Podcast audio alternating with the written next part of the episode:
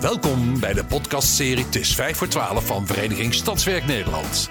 Met vijf vragen over een urgent thema die niet op een antwoord kunnen wachten. Vandaag vijf vragen over... Crowdmanagement. Voor... Sian Schaap van Event Safety Institute. Vraag 1. Crowdmanagement in de openbare ruimte. Hoe werkt dat? Crowdmanagement gaat over het in goede banen leiden van uh, uh, drukte. Het in goede banen leiden van het verzamelen en verplaatsen van groepen mensen. In de openbare ruimte is dat misschien nog wel het allermoeilijkst. Want uh, vergelijk het met een, een afgesloten ruimte zoals een café of een restaurant of een zalencentrum. Daar heb je een deur kun je op een gegeven moment zeggen: het is vol, we sluiten af. Je kunt werken met een ticketsysteem, waardoor je van tevoren al duidelijk maakt hoeveel mensen er binnenkomen. Maar in de openbare ruimte is dat niet zo. De openbare ruimte is van iedereen. En je kunt ook niet zomaar zeggen: we bakenen hem af. Dat betekent dus dat je in de openbare ruimte nog veel meer dan op andere plekken mensen moet verleiden eigenlijk om de juiste keuzes te maken. Vraag 2. Wie moet wat doen voor een goed crowdmanagement? Crowdmanagement begint in de basis al bij uh, verantwoordelijkheidsverdeling. Kijken we naar uh, de protocollen die er nu zijn in verband met de coronacrisis, dan gaan die protocollen er eigenlijk vanuit dat ondernemers en instellingen hun eigen verantwoordelijkheid nemen voor hun eigen gebouw en de directe omgeving daarvan. Maar voor de openbare ruimte ligt een hele belangrijke verantwoordelijkheid bij de gemeente. De gemeente is natuurlijk de regievoerder over tal van onderwerpen, elk over openbare orde en veiligheid. En uh, regie houdt in dit geval ook in dat je initiatief neemt, in kaart brengt met alle betrokken partijen uh, wat eigenlijk de risico's zijn die je loopt in de binnenstad of in het dorpscentrum. En dat je ook uh, mensen meeneemt in een aanpak. Die aanpak die hoef je niet helemaal zelf te bedenken als gemeente, maar je moet er in ieder geval voor zorgen dat er een aanpak tot stand komt. En er zijn natuurlijk nog andere partijen betrokken. Denk aan de politie, denk aan de brandweer, de veiligheidsregio. Er zijn natuurlijk tal van partijen die ook een rol kunnen hebben. Maar uh, de rol van de gemeente, juist omdat het openbare ruimte is, is in dit onderwerp heel erg uh, groot. Vraag 3.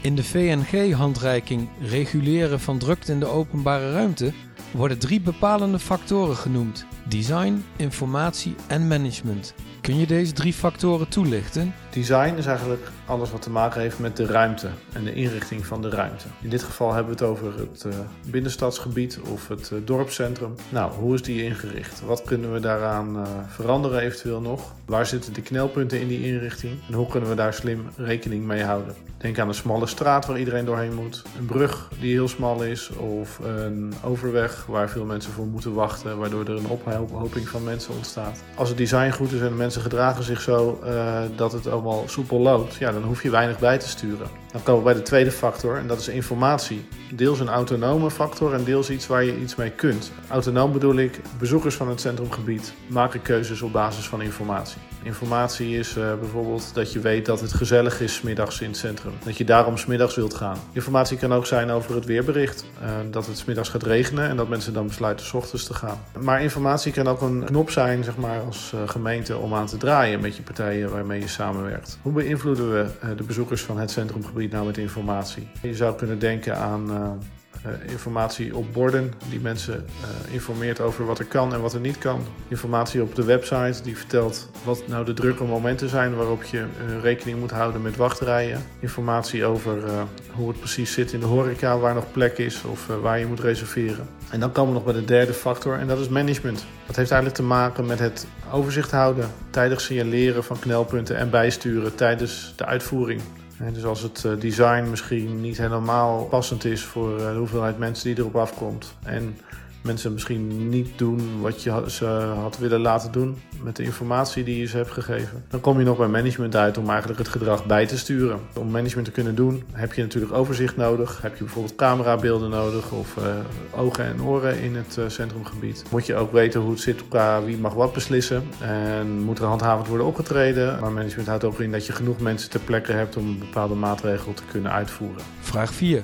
Hoe kom je van probleemanalyse naar uitvoering? Een goede probleemanalyse start eigenlijk bij het begrijpen van hoe mensen de stad gebruiken of de dorpskern gebruiken. Hoe druk is het nu ten opzichte van eerdere jaren? Van welke richtingen komen mensen? Uh, met welk doel komen ze? Welke doelgroepen heb ik eigenlijk rondlopen? En in hun gedrag, wat zij willen vertonen, waar zouden dan de problemen kunnen ontstaan? Uh, het probleemanalyse kan ook te maken hebben met hoe bereiken we die mensen eigenlijk? Waar luisteren ze naar of hoe baseren ze hun, hun tripje? Dus het begrijpen wat er gaat gebeuren. Maar je moet ook natuurlijk begrijpen waar de knelpunten ontstaan in de anderhalve meter samenleving. Wij hebben wat berekeningen gemaakt op basis van de anderhalve meter afstand. En we komen tot getallen zo van rond de 4 vierkante meter per persoon. Weet je afhankelijk van of je stilstaat of dat je aan het lopen bent, hoeveel ruimte je in beslag neemt. En uh, begrijpen wat dat betekent voor de omgeving en hoeveel mensen je kwijt kunt. Ja, dat, dat is ook een onderdeel van je probleemanalyse. Een goede analyse maken, dat doe je denk ik met alle partijen samen. Centrummanager, uh, winkeliersvereniging, Koninklijke Horeca Nederland misschien, de afdeling van jouw eigen plaats die daar actief is. Of een andere vertegenwoordiger. En dan ook echt samen tot een aanpak komen.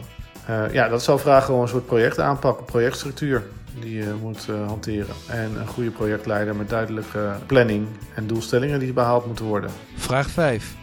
Heb je nog handige tips? Ik heb vanuit onze praktijk altijd een heleboel tips mee te geven. De tips die, die zijn soms heel praktisch, zoals maak gewoon eenvoudige berekeningen van hoe je centrum, uh, wat je centrum aan kan. Kijk naar welke middelen er al aanwezig zijn in dat centrumgebied. Zoals camera's, zoals borden, zoals mogelijkheden om iets te kunnen afsluiten voor verkeer. Kijk ook wat je misschien altijd al had willen bereiken in dat gebied. En wat je nu misschien vanwege corona meteen ook kunt bereiken. Hè. De lange termijn uh, oplossingen zeg maar, die je nu op de korte termijn al realiseert. En problemen met fietsparkeren bijvoorbeeld. Die zijn er in heel veel uh, gemeenten. Maar omdat we nu te maken hebben met de coronacrisis... moeten we misschien versneld oplossingen verzinnen voor fietsen. Want ook een fiets neemt ruimte in die je misschien hard nodig hebt voor de bezoekers. Weet je, heel veel zaken die nu in het binnenstad of in het dorpskern nodig zijn, die zijn al lang een keer bedacht bij evenementen. Dus ga te raden bij de organisatoren van evenementen in jouw omgeving. Uh, of haal uh, er mensen bij die veel verstand hebben van evenementen. Laat hen ook eens meedenken wat voor type oplossingen daar al zijn bedacht en hoe die ook misschien nu tijdelijk kunnen functioneren. Die eerste fase noemen wij de evenementenfase. Die duurt misschien een aantal weken, maar daarna moet het bestendigen. En moet het toch ook in het straatbeeld worden opgenomen. Uh, dat je afstand houdt, dat, dat, mensen dat herhaaldelijk aan die boodschap worden uh, herinnerd. Om dat te bereiken zul je echt deze komende weken uh, in moeten zetten op het stimuleren, op een positieve manier stimuleren van een gedragsverandering. www.maaksamenruimte.nl Dat is een website waar je voorbeelden gaat zien van gemeentes die jou misschien kunnen inspireren. Blijven ook elkaar in de regio opzoeken, ervaringen uitwisselen binnen de veiligheidsregio en met vergelijkbare gemeenten.